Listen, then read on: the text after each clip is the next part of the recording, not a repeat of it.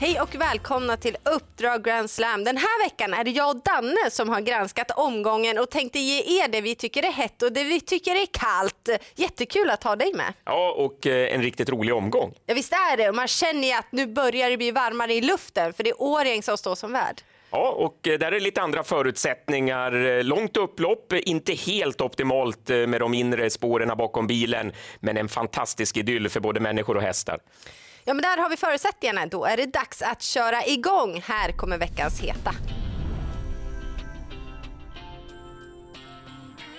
Omgången inleds med klurigt lopp, men glöm inte bort nummer 5 Centurion B som mötte tuffare hästar senast men höll ändå bra från utvändigt ledaren som tvåa bakom V75-vinnaren Suarez. Den här gången möter han jämngoda konkurrenter och med tanke på hans startsamhet så tror jag att han får en bra position direkt och ska räknas.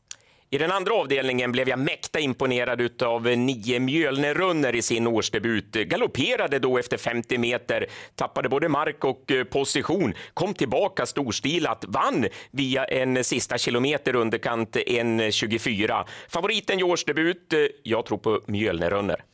Och i den tredje avdelningen där startar nummer 6 Mr Brilliant som i senaste starten debuterade för Robert Berg. Han slutade då trea men behövde lopp i kroppen. Den här gången så är det debut över kort distans men har tidigare visat fin startsamhet så det ska inte vara några problem. Och han känns segermogen i mina ögon den här gången. Och i den fjärde avdelningen, Jennifer, tre Golden Guard. Vad var det för intryck i årsdebuten? Ja, det var ett perfekt intryck, precis som man vill att en sån säsong ska starta. Han gick då med ett öppet huvudlag, kördes lite avvaktande, men vilken spurt han levererade till seger. Den här gången så åker det helstängda huvudlaget på och man siktar på spets och slut. Och han har ju tidigare visat att han duger bra på V75. Och viktigt att nämna att han körs av sin ordinarie kusk i ett lopp där det är lite mindre rutinerade kuskar med. Avdelning 5 är ytterligare ett eh, klurigt kallblodslopp med en hel del norska gäster. Ja, inte helt lätt att reda ut. Därför frågade vi våra kollegor hur de tänker när det kommer norska gäster i kallblodsloppen.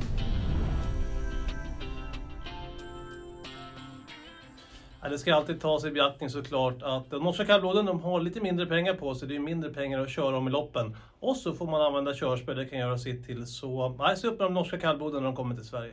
Det finns långt fler kallblod i Norge än i Sverige. Norrmännen vet vad som krävs för att vinna i Sverige. När de kommer hit så kommer de i angeläget ärende. Ska jag säga en kusk och tränare? Jan Roar Mjölneröd. Honom får man aldrig ta bort. Ja, jag tänker tvärtom mot varmbloden. Jag tänker att de är betydligt bättre än vad man tror. Vad det gäller varmblod så är de ju alltid sämre. Ja, men de är nästan alltid bättre än vad man tror om man inte har sett namnen förut. En sak man kan kolla, segerprocenten. Se till så att den har aptit för att vinna. Ja, visst måste man passa de norska kallbloden. De brukar komma i angeläget ärende. Ja, men eh, jag lyfter fram nummer fem, Stilig Karl, som håller mycket bättre form än raden. Eh, galopperade i segerstriden senast mot Mjölnerunner. Går ner i klass och eh, det blir revansch. Och I den sjätte avdelningen det är ett storlopp över kort distans och jag tror att det blir körning inledningsvis och det gynnar min vinnare nummer nio Allmon Pace som nu har två lopp i kroppen och höll bra som tvåa från utvändigt ledaren senast. Hon visade då också att hon kan öppna bra från bakspår bakom bilen så jag tror hon sitter bra på det direkt och då blir hon tuff att stå emot på upploppet. Kort distans, det brukar bli tufft tempo, det är långt upplopp på Årgäng, det är till hennes favör. Ja, du håller med mig? Ja. Det låter bra. Det var veckans heta. Här kommer veckans kalla.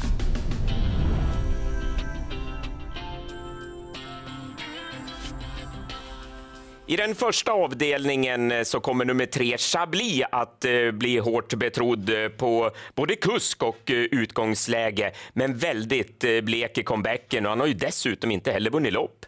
Och i den tredje avdelningen där har det pratats gott om nummer fem ID Dig Deeper. Men han har galopperat i fem av sina elva starter. Han galopperade i årsdebuten. Så den här gången är jag inte säker på att tränare och kusken Erik Berglöf vågar gasa från start.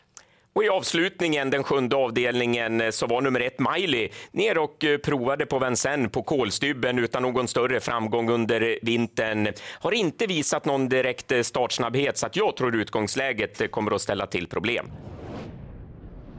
Ja, men nu har ni fått våra tankar om omgången, men nu får du bara lyfta fram en häst. Det är så det fungerar. Mm, och då blir det i den femte avdelningen eh, nummer fem, Stilig Karl. Jag tror att Carl-Johan Jeppsson är väldigt revanschsugen. Ja, men det tror jag ändå Mr Brilliant är, nummer sex i den tredje avdelningen. Jag var lite inne på att han skulle vinna senast, men då behövde han loppet, så det är dags den här gången istället. Mm, och eh, Årgäng, passa upp alla norska gäster. Ja, ja, vi har verkligen roliga lopp att se fram emot. Stort lycka till på Grand Slam!